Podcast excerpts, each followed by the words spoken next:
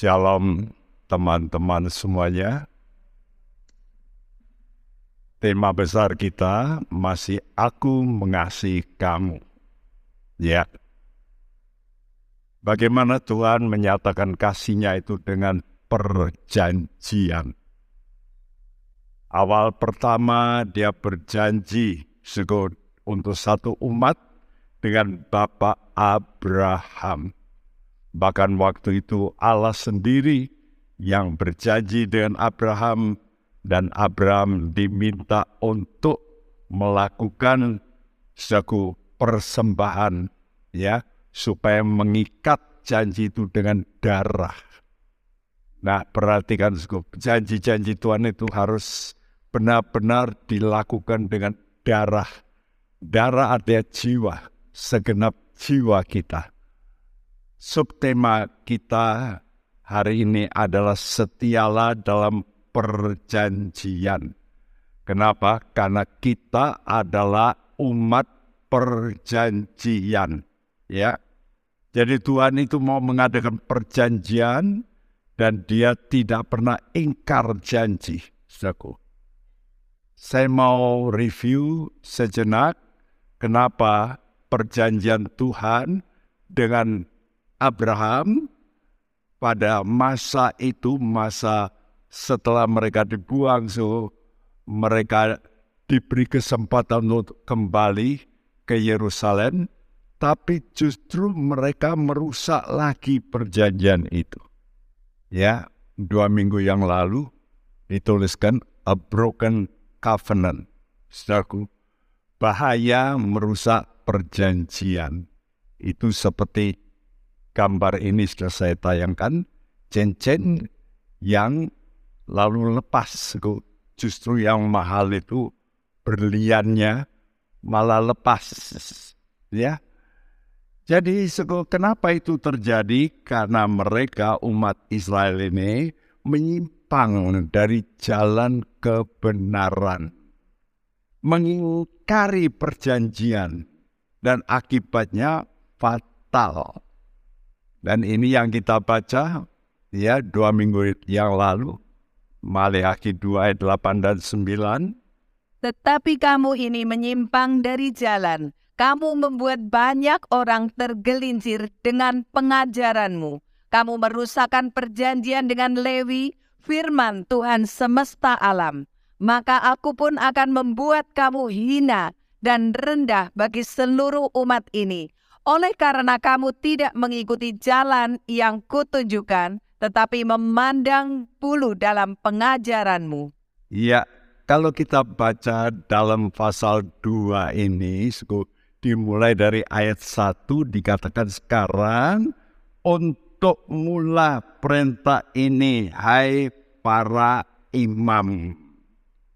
So, memang so, kita lihat bahwa betapa penting pentingnya hamba Tuhan itu memimpin umat.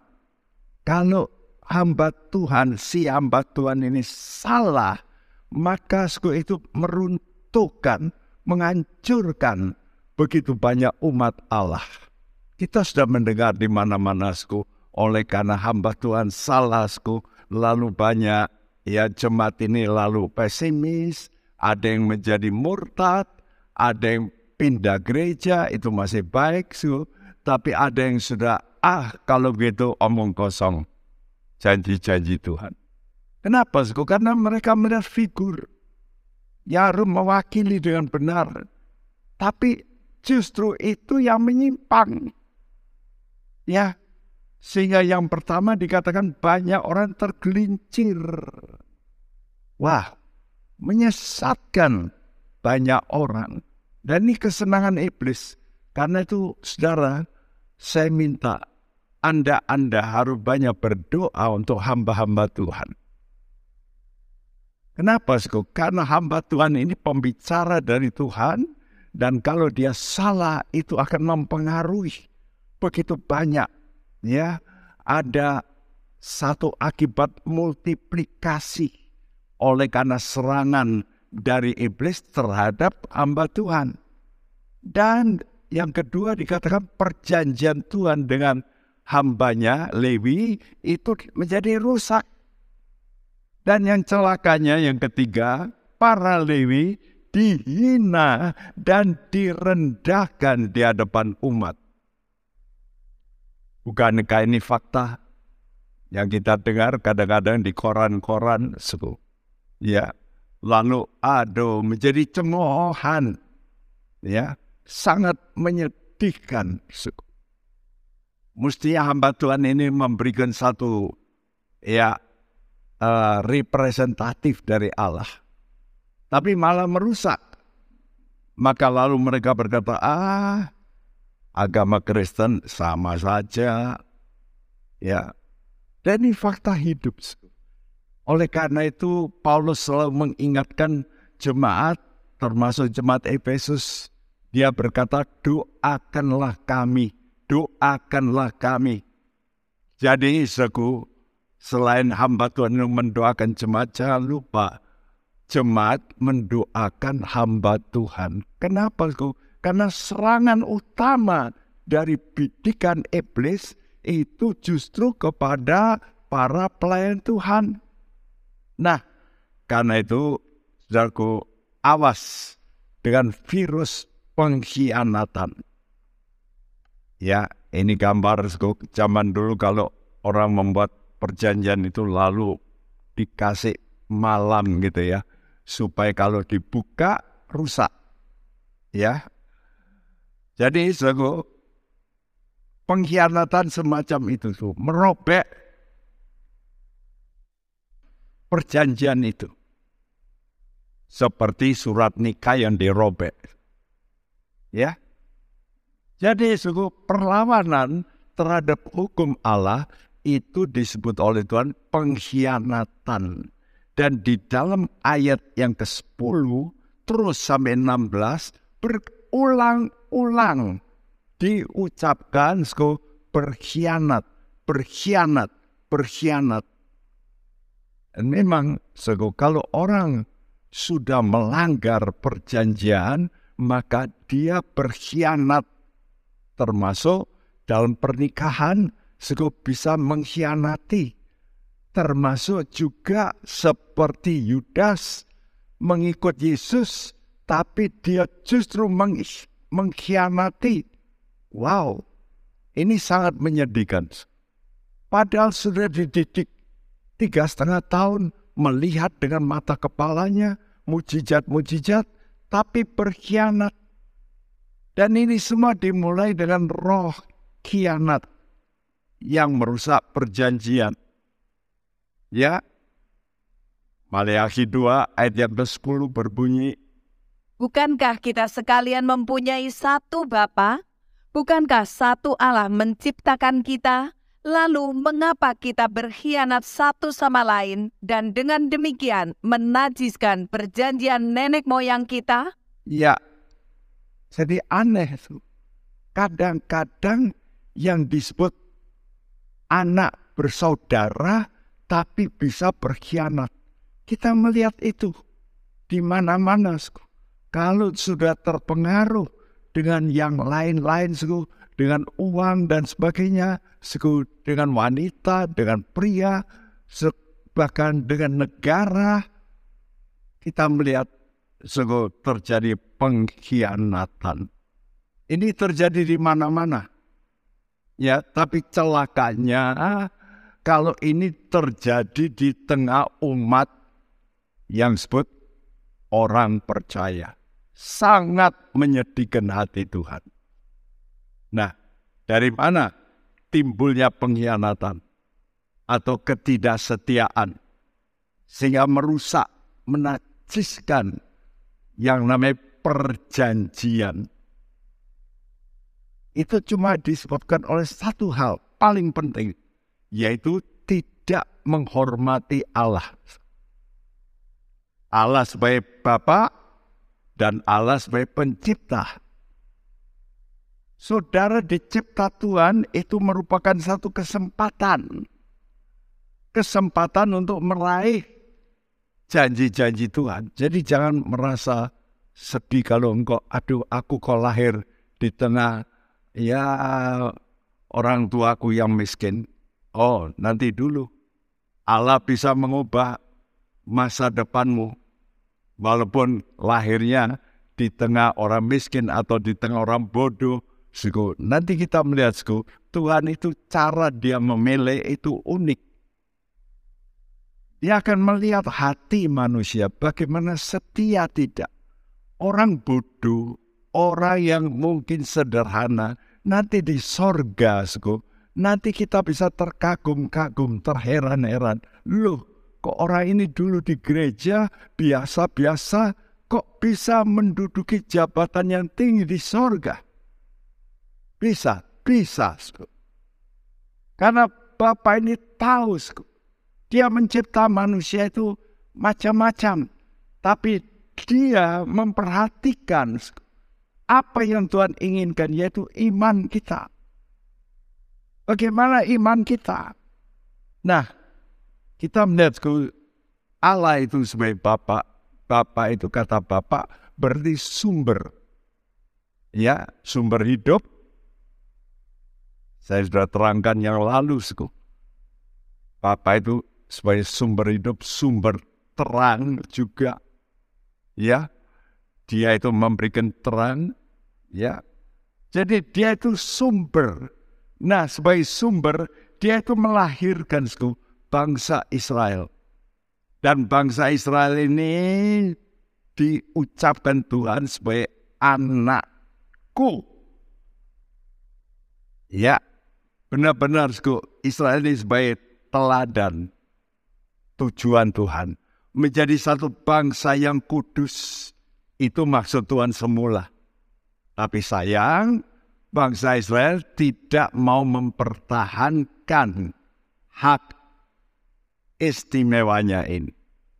Dan mereka mulai melakukan pembiasan dalam hidup, menyembah berhala, Akibatnya apalagi zaman Manase mendekati keruntuhan kerajaan Yehuda. Ada raja yang namanya Manase. Wah luar biasa. Ku. Malah patung-patung itu dimasukkan di rumah Tuhan. Ya, begitu rupa sehingga Tuhan marah bukan main. Ya, kita melihat ini fakta roh khianat ini terjadi Padahal Tuhan itu mempunyai rencana untuk menjadikan Israel ini suatu kerajaan yang luar biasa. Kejadian 19 ayat 6. Kamu akan menjadi bagiku kerajaan imam dan bangsa yang kudus. Inilah semuanya firman yang harus kau katakan kepada orang Israel. Inilah semua firman yang harus kau katakan pada orang Israel. Jadi sudah diperingatkan orang Israel ini harus menjadi bangsa yang kudus. Ya, satu kerajaan imam. Karena itu pada zaman PL, suku, acara di rumah Allah, bait Allah itu sentral. Bahkan kalau mereka berperang, ya, suku, atau berjalan, maka semua rombongan itu di berjalan mesti ada imamnya. Ya, yang meniupkan sangka kalah. Kemenangan terjadi di kota Yeriko yang bisa diruntuhkan. Kenapa, Sku? Karena hadirat Tuhan. Jadi Allah ingin Sku, supaya bangsa ini selalu menjaga yang sebut hadirat Tuhan. Dan sekarang mereka gagal. Namun sekarang Tuhan minta gereja menjaga apa sku? Hadirat Tuhan. Hadirat Tuhan itulah roh kudus. Itulah kerajaan Allah. Karena itu kita mesti jaga yang namanya roh kudus. Kudus. Ya, jadi Israel sebagai umat perjanjian itu dilahirkan, dicipta suku untuk apa suku? Untuk menjadi kesaksian ini loh, kalau satu bangsa ini terus mau ibadah dengan benar, menyembah kepada Allah yang benar, maka jadi istimewa. Ini tujuan Allah. Seperti apa yang dikatakan dalam Yesaya 43 ayat 21. Umat yang telah kubentuk bagiku akan memberitakan kemasyuranku. Nah ini tujuan Tuhan. Mencipta satu umat supaya umat itu bisa memasyurkan Tuhan. Supaya orang lain, bangsa-bangsa lain ini bisa bertobat. Oh, kami kalau begitu ikut. Itu maksud Tuhan. Jadi kunci utama ya daripada penyertaan Tuhan sehingga menjadi kerajaan yang luar biasa dan itu fakta waktu Daud memerintah. Lihat, walaupun kecil, negara itu kecil, jumlahnya kecil, tapi kecilnya itu dahsyat. Sampai-sampai ya anak dari raja dunia, Firaun mau dikawinkan dengan anaknya Daud Salomo. Itu kalau tidak dihormati, nggak mungkin. Jadi di bawah pemerintahan Daud itu, wah benar-benar Tuhan dimuliakan. Nah itu kerajaan yang sangat mengagungkan Tuhan. Tapi di situ Daud selalu patuh kepada imam dan nabi yang kadang-kadang menegur dia. Dia mau. Tidak seperti Saul yang ditegur oleh Samuel saja masih ya berdebat ya tapi Daud tidak demikian jadi kunci utama dari keberhasilan suatu bangsa itu adalah kesediaan umat untuk pegang perjanjian. Dan dari awal Tuhan sudah memberitahu kepada Bapak Abraham bahwa perjanjian itu tidak bisa dipisahkan dengan namanya darah. Ya, kalau kamu mau berjanji dengan aku, berarti dua pihak. Pihak pertama, pihak kedua. Ya, kalau pihak pertama itu Allah, pihak kedua itu manusia. Nah, apa yang diminta oleh Tuhan pada Abraham? Kepada Abraham diminta untuk menyunat dirinya. Ya, seperti yang terjadi dalam kejadian 17 ayat 4 ini ucapan Allah. Allah berkata seperti ini. Dari pihakku, inilah perjanjianku dengan engkau. Engkau akan menjadi bapa sejumlah besar bangsa. Ya, jadi ini janji Tuhan. Ini ucapan Tuhan, ini pihak pertama. Ya, kamu nanti akan menjadi bapak dari bangsa yang besar. Dan saudaraku, sejumlah, bukan saja satu, tapi ada satu yang istimewa, yaitu Israel. Namun dengan syarat, jadi perhatikan semua janji Allah itu tidak diberikan sebagai anugerah cuma-cuma. Harus dipenuhi syarat Memang cuma-cuma, tapi harus syaratnya ada. Apa syaratnya? Ayat 9 dan 10 kejadian 17. Lagi firman Allah kepada Abraham, dari pihakmu engkau harus memegang perjanjianku, engkau dan keturunanmu turun-temurun. Inilah perjanjianku yang harus kamu pegang. Perjanjian antara aku dan kamu serta keturunanmu yaitu setiap laki-laki di antara kamu harus disunat. Ya, ini perjanjian, Sego. Hanya bisa terjadi terus, ada terus langgeng, janji-janji Tuhan berlaku terus kalau pihak manusia, yaitu Abraham, disunat. Dan Abraham begitu mendengar itu, besoknya langsung melakukan. Itulah penghormatan. Saya kalau melihat Abraham itu dahsyat. Dia tidak pernah tunda-tunda apa yang diperintahkan Tuhan. Begitu dia diperintahkan, langsung besoknya langsung dia lakukan. Ya, walaupun diperintahkan anaknya untuk dikorbankan, kalau kita baca dalam kejadian 22 sku, esok pagi-pagi. Jadi tentu Tuhan bicara pada malam. Besoknya pagi-pagi dia berangkat.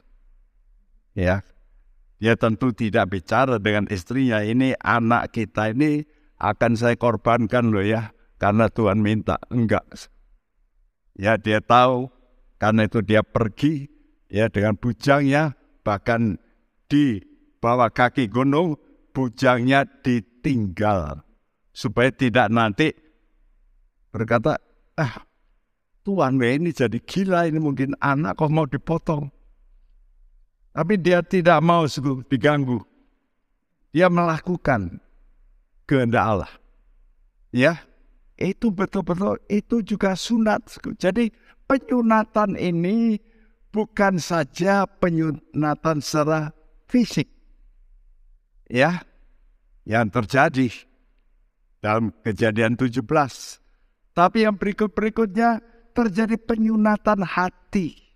Dan itulah surat Filipi pasal 3, sego ayat 3 berbunyi, sebab kitalah orang-orang bersunat yang beribadah oleh roh Allah. Bermegah dalam Kristus Yesus dan tidak mengandalkan hal-hal lahir ria. Jadi saudara yang mau disunat hatimu, jangan sampai bergantung sama yang namanya hal-hal jasmani. Tuhan melarang. Mungkin dengan uangmu. Dengan kelompokmu yang cukup besar. Ah, sekarang saya punya kelompok besar. Nah itu Tuhan tidak mau. Jadi Tuhan mau potong pikiran-pikiran, perasaan-perasaan di mana kita bisa sendiri. Hati-hati. Karena itu kunci utama kalau kita mau berjanji dengan Tuhan harus punya hati yang betul-betul bersandar, bergantung pada Tuhan. Karena jangan lupa kita anak-anak Tuhan, jangan lupa tiap pagi bersimpu di bawah kaki Tuhan. Saudara khususnya yang sukses. Mungkin sukses dalam usaha. Jangan lupa untuk berdoa. Untuk menekukkan kakimu dan kau berkata, Tuhan, tanpa engkau, saya nggak bisa. Aku perlu disertai. Ini penting. Ini namanya saudara menyunatkan hatimu. Tidak bergantung kepada hal-hal lahiriah. Dan ini hanya bisa kalau saudara menjaga hubunganmu dengan roh kudus. Ya, dan teguran Tuhan Kenapa Tuhan itu bicara begitu keras terhadap para imam? Ada maksud yang baik. Ya, sebelum terjadi yang tidak baik. Karena itu kitab Maleakh ini adalah kitab penutup dari perjanjian lama, tapi mereka responnya jelek, akibatnya Tuhan kenakan sanksi. Coba kita melihat juga apa maksudnya Tuhan menegur para imam itu. Maleakhi 2 ayat 4. Maka kamu akan sadar bahwa kukirimkan perintah ini kepadamu supaya perjanjianku dengan Lewi tetap dipegang. Firman Tuhan semesta alam. Nah ini tujuannya. Teguran itu untuk menyadarkan. Menyadarkan supaya perjanjian itu dua pihak itu harus tetap dipegang. Ya, karena ini untuk bangsa. Jadi dari imam mengakibatkan bangsa Israel.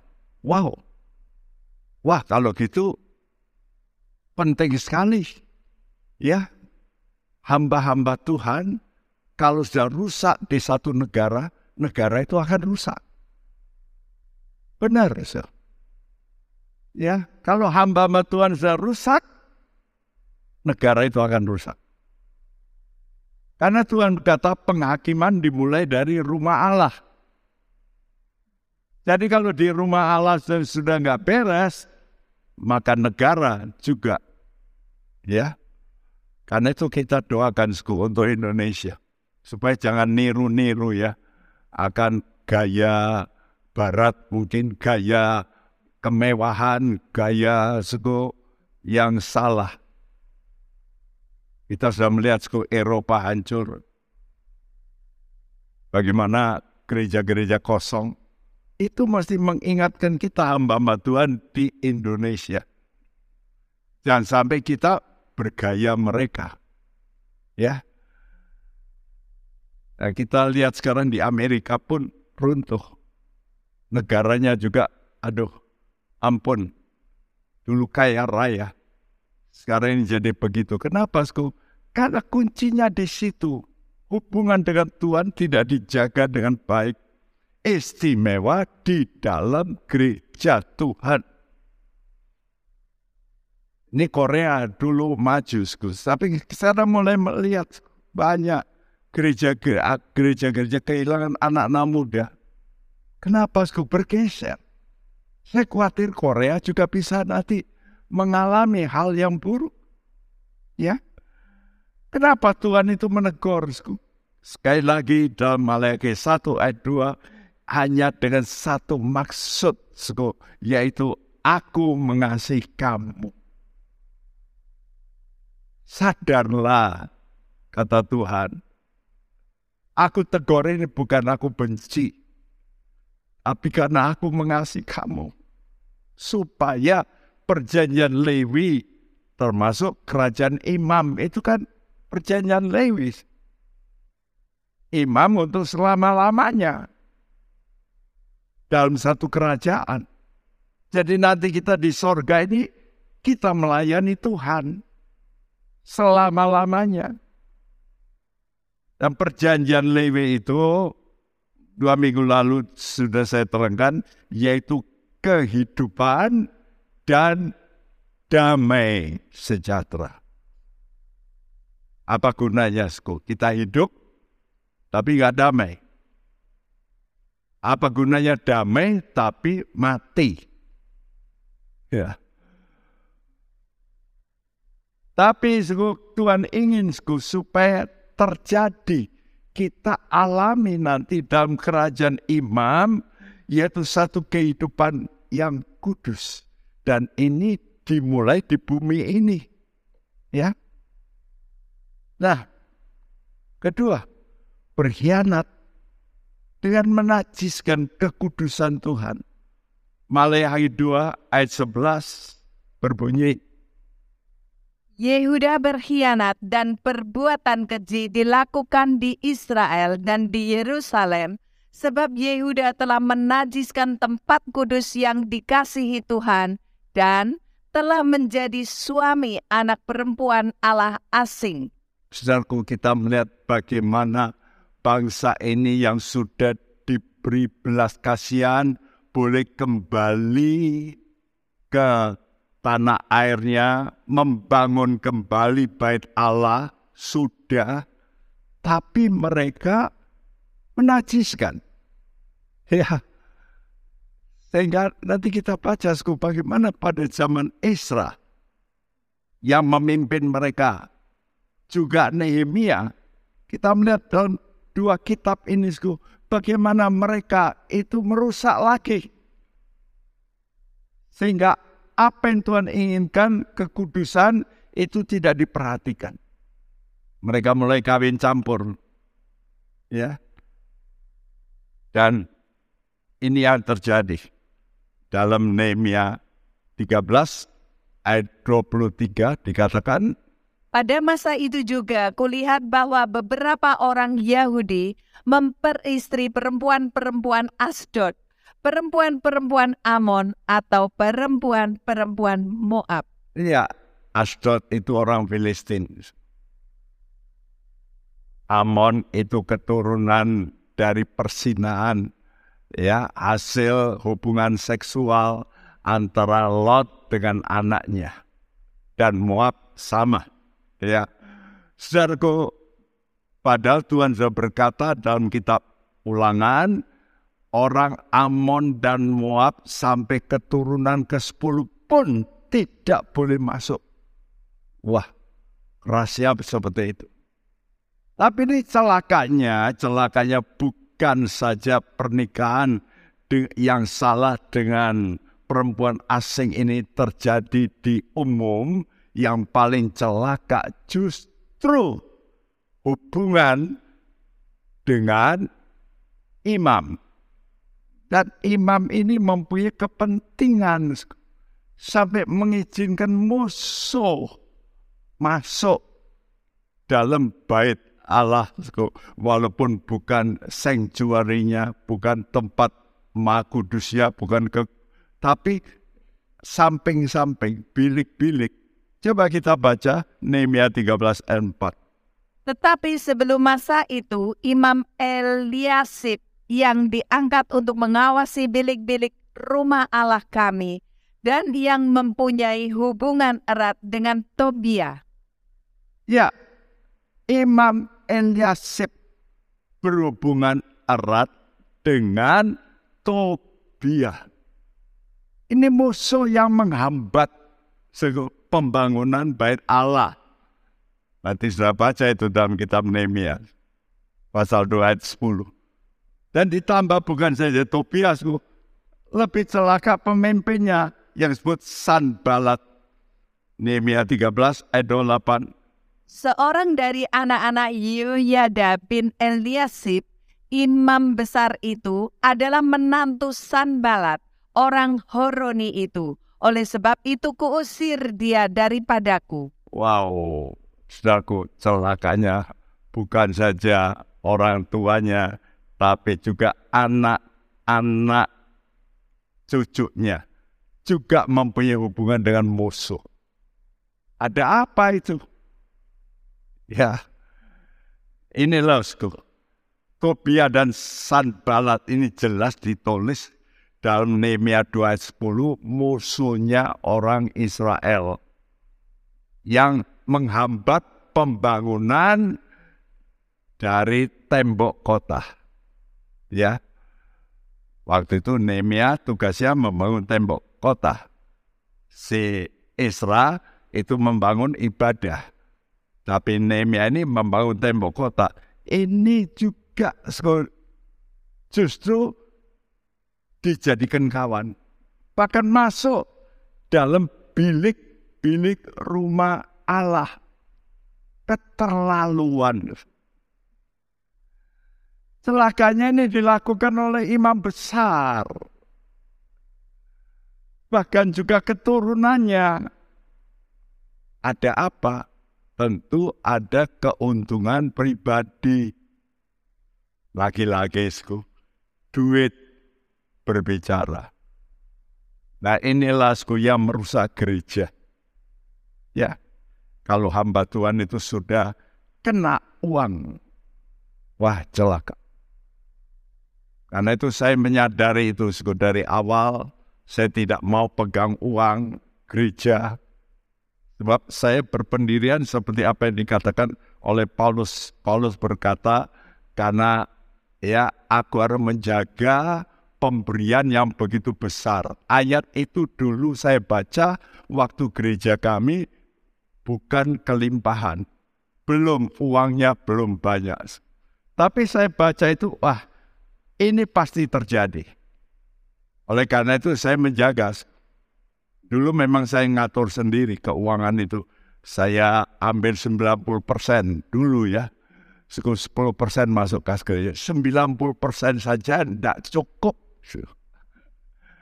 Hanya dimakan tiga hari habis. Ya.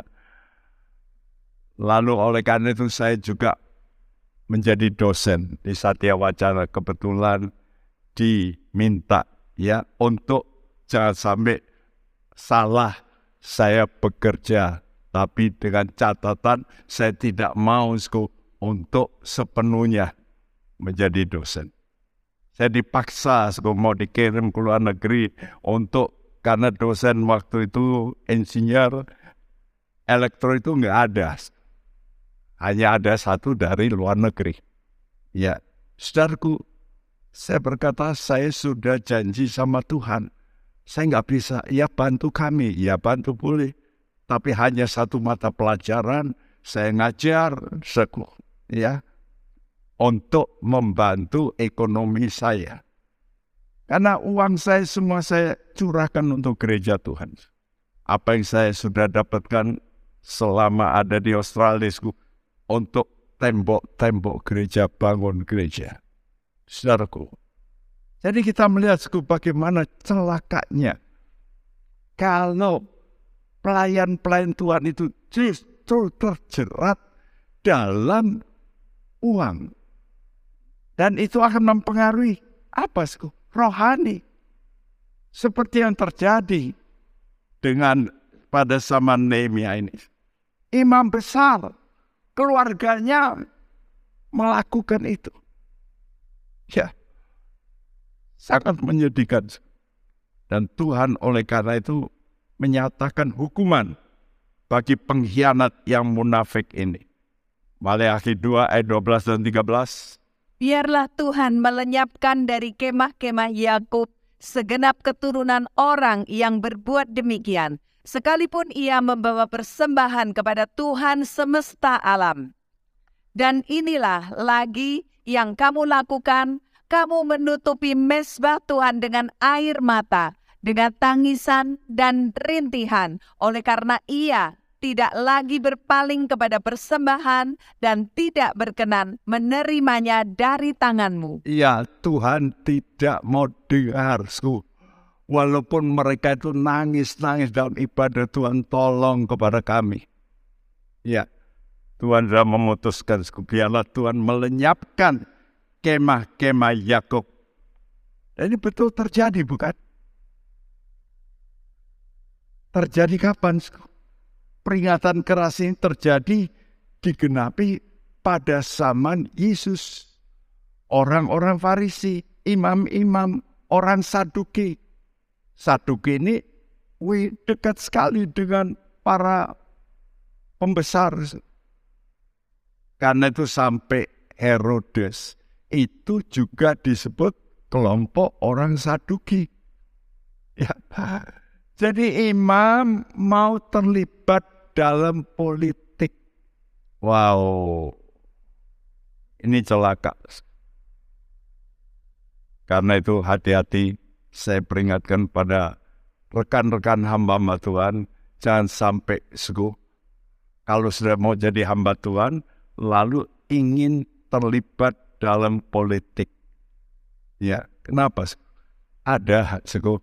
Sudah saya peringatkan, nanti kamu terpilih, ya masuk di situ, kamu copot loh jabatannya.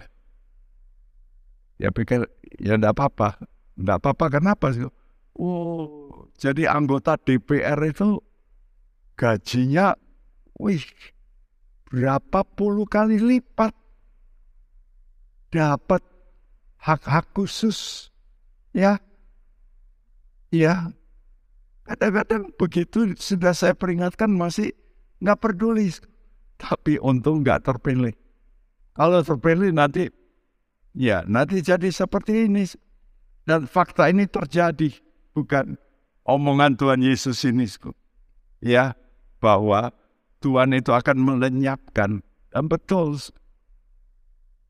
ya Yerusalem diruntuhkan oleh tentara Roma. Sehingga orang-orang Yahudi itu terpencar di seluruh dunia. Ini nyata. Kemah-kemah Yakub yang tadinya di Yerusalem, ini sekarang lalu mereka harus hengkang dari situ. Kenapa terjadi? Karena pengkhianatan. Nah, kita melihat iblis tahu. Kenapa ya? Pernikahan itulah yang diserang. Karena itu saya beri sub ini, perkembangan umat kudus diserang. Jadi pernikahan itu mau dihancurkan oleh iblis. Karena itu sudah lihat awal-awal pertama sehingga terjadi bentrok. Adam dan Hawa. Ya. Lalu terjadi apa, Sku? Lahirlah raksasa-raksasa. Itu semua untuk merusak keturunan. Itu tujuan iblis. Ya. Karena itu tadi pertanyaan atau pernyataan Tuhan, Tuhan akan melenyapkan dari kemah-kemah Yakub segenap keturunan orang yang berbuat demikian. Dari yang literal dikatakan apa yang akan dipotong oleh Tuhan. Ya, cut off the Jehovah, the man who do it. Tempter and tempted. Artinya yang menggoda maupun yang digoda itu akan dipotong oleh Tuhan. Ya, Nah, waktu Tuhan ngomong begini, menyatakan begini, pernyataan Tuhan yang merupakan ancaman ini, yang nantinya jadi kenyataan, malah dipertanyakan. Nanti kita baca yang berikutnya, yaitu Maleakhi 2 ayat 14a berkata, dan kamu bertanya, oleh karena apa? Jadi peringatan Tuhan bukan ditanggapi dengan bertobat, tapi malah dipertanyakan, mengapa Tuhan kok Tuhan ngamuk? Kenapa Tuhan ini mau memotong kami? Bahkan memotong keturunan kami. Kenapa toh? Waduh, Tuhan kalau ngomong kan tidak perlu ditanyakan. Mestinya Tuhan ampuni kami.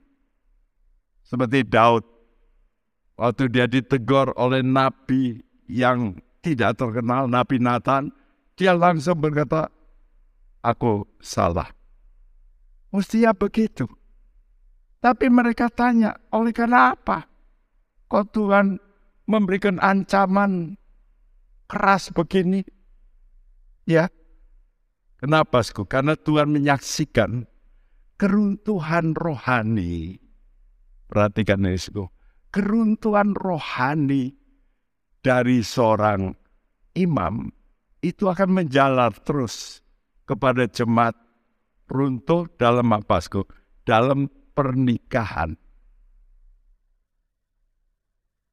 Ya, dulu saya punya rekan, karena terjadi sesuatu di gereja itu, hamba tuannya nggak benar. Lalu terjadi juga majelisnya juga nyeleweng juga. Lalu terjadi juga di jemaat. Jadi, oh ya podo lah sama-sama maafkan kami. Wah, karena itu iblis tahu ya. Manusia itu dicipta memang sedikit lebih rendah dari malaikat. Namun rencana Allah mau menempatkan manusia di atas semua ciptaan termasuk malaikat. Nah inilah yang menyebabkan iblis itu marah, berontak. Ya, apalagi manusia itu dicipta serupa Allah, serupa, ya, dan diberkati dan diucapkan apa? Berkembang biaklah dan diberi perintah kuasailah bumi. Ini setelah iblis jatuh. Oh, iblis, oh.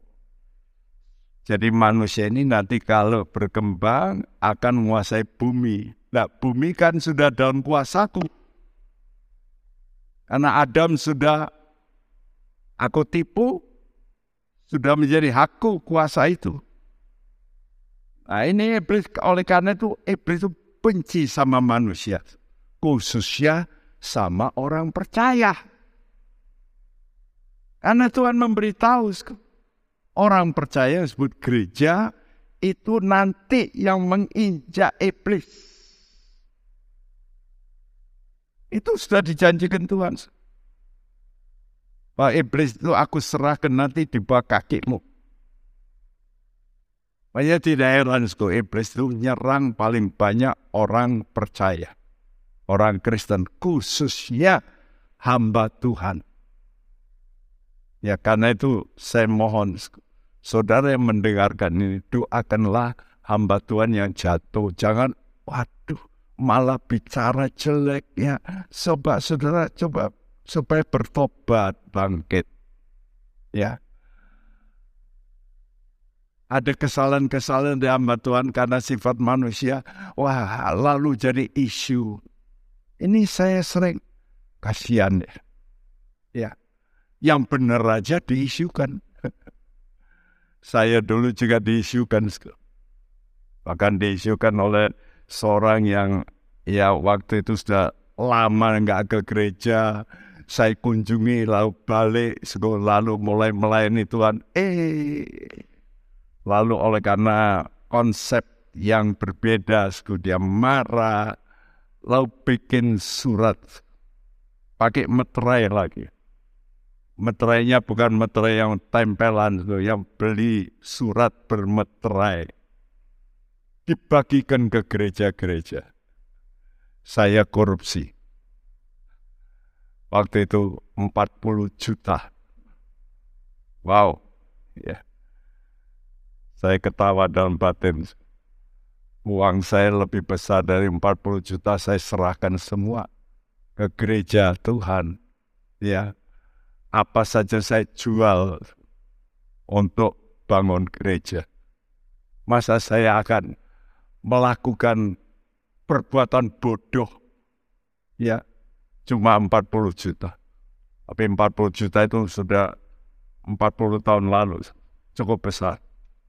Ya, tidak heran, sku. Iblis itu berusaha untuk merusak.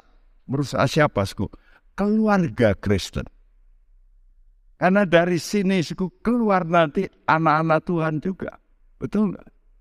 Dan merusak juga keluarga Allah, gereja.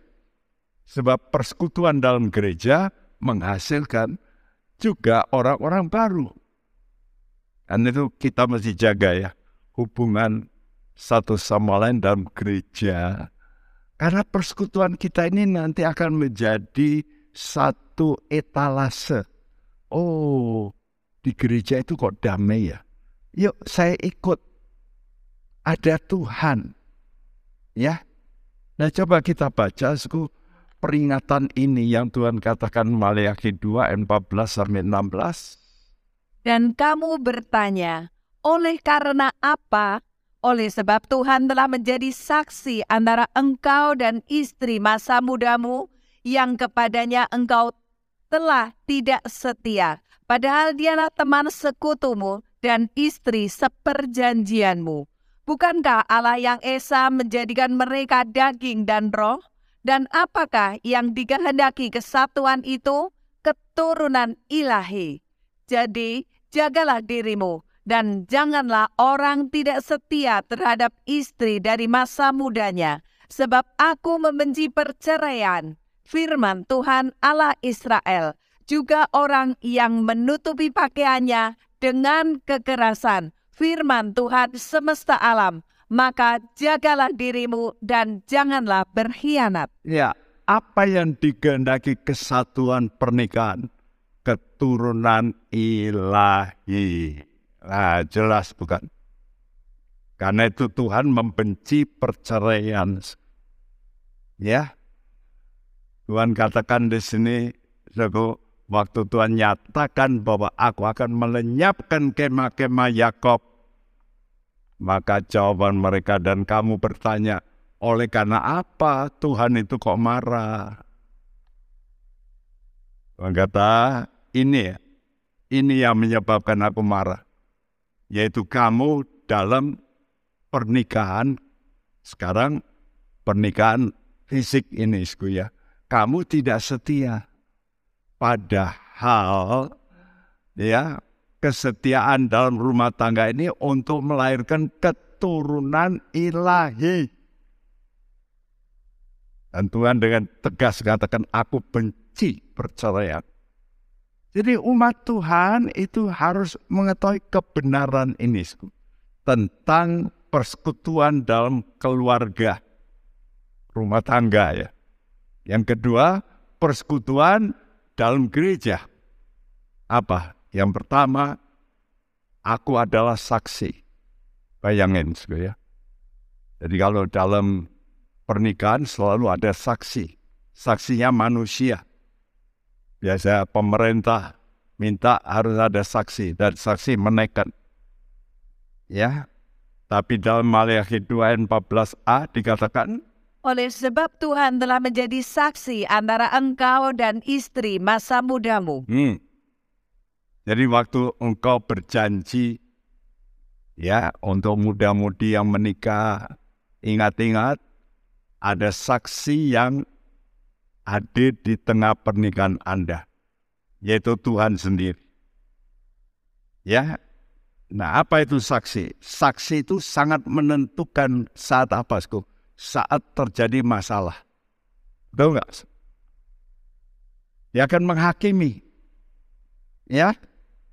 Dan saksi Tuhan yang Tuhan utus untuk melihat itu pertama Roh Kudus. Roma 8 ayat 16 mengatakan Roh Kudus menyaksikan roh kita Engkau nggak bisa lari karena Tuhan itu ngerti spiritmu, rohmu apa. Dan itu hati-hati kalau ada gangguan dalam batin kita lebih dulu, kita mesti bertobat. Jangan sampai menjadi dos dosa, perbuatan. Baru di batin roh kudus yang menyaksikan ini mestinya negor.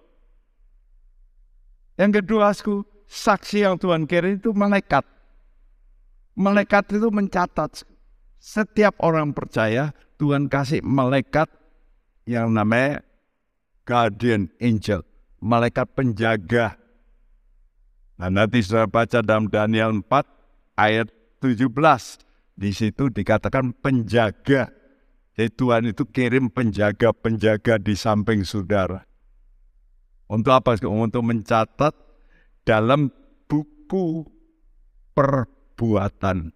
Ini yang ditulis dalam Wahyu 20 ayat 12, the book of deeds. Perbuatan-perbuatanmu ditulis. Nah nanti kitab-kitab itu akan dibuka. Kitab perbuatan. Tuhan itu saksi. Yang kedua, pasangan kita itu adalah harus kita sadar itu teman sekutu. Kata sekutu itu kita ingat sekutu. Amerika sama Inggris itu sekutu. Apa sekutu? Untuk apa sekutu? Untuk menghadapi masalah musuh. Kayak biasanya perang selalu sekutu Amerika nyeret Inggris. Ya. Dan Tuhan juga memberitahu berdua itu lebih baik dari seorang diri. Untuk apa? Sekutu? Menghadapi dingin ya keadaan dingin rohani. Ini perlu ada teman rohani ya juga menghadapi musuh. Lalu pasangan kita itu seperjanjian. Seperjanjian untuk menerima warisan. Karena itu dalam surat Petrus dikatakan jagalah karena Anda berdua suami istri itu nanti akan mewarisi ya warisan. Nah, jadi harus setia sampai mati. Yang ketiga, sku, kesatuan itu ini kuncinya, sku, membuahkan keturunan ilahi. Nah, inilah yang dikehendaki Tuhan, sku. Untuk apa? Untuk berkuasa atas bumi. Karena itu sebagai kesimpulan ini. Awas kata Tuhan, jagalah rohmu. Take heed ya unto your spirit. Watch and pray. Berjaga, berdoa. Awas, karena itu satu hal yang tidak boleh kita lupakan tiap hari itu berjaga dan berdoa. Karena itu, jagalah perjanjian itu dengan iman Anda. Ayat 15d sampai 16. Jadi jagalah dirimu dan janganlah orang tidak setia terhadap istri dari masa mudanya, Sebab aku membenci perceraian, firman Tuhan Allah Israel. Juga orang yang menutupi pakaiannya dengan kekerasan, firman Tuhan semesta alam. Maka jagalah dirimu dan janganlah berkhianat. Take it to your spirit. Ya harus dijaga apa, sku? Roh kita. Karena itu mari kita jaga, sku, roh kita dengan roh iman. Dan dijaga itu dengan ucapan-ucapan. Karena itu saudara, kalau ngomong dengan temanmu, jagalah mulut kita. Karena itu kenyataan dari iman kita itu dalam ucapan-ucapan yang membuat kita ini dapat memakai kebenaran sebagai pakaian kita. Ya, jangan sampai kita telanjang, itu maksud Tuhan. Mari kita jaga perjanjian iman ini dengan baik. Pegang perjanjian Tuhan. Karena itu sebab baca Alkitab, berdoa. Dua perkara itu harus kita jaga baik-baik. Jangan sampai kita lalaikan. Pegang perjanjian Tuhan. Pegang perjanjian Tuhan. Saya harap saudara mendengarkan firman Tuhan ini Jangan lupa tiap pagi bersimpu di bawah kaki Tuhan. Kalau bisa berlutut. Ya, saya sudah saksikan berkali-kali. Dulu saya nggak bisa berlutut karena kaki saya sudah nggak benar. Ya sakit bukan main. Karena pembuluh darah saya terganggu. Ada pembuluh darah baliknya. Ya, sehingga sakit sekali kalau ditepukan. Tapi kemurahan Tuhan Tuhan pulihkan. Saya tiap pagi bisa merasa hadirat Tuhan karena berlututku. Saya menengadah. Saya ingat seperti anjing-anjing yang tiap kali saya makan dia selalu berada di bawah dan selalu dia memandang kepada saya. Beri aku remah-remah sedikit aja.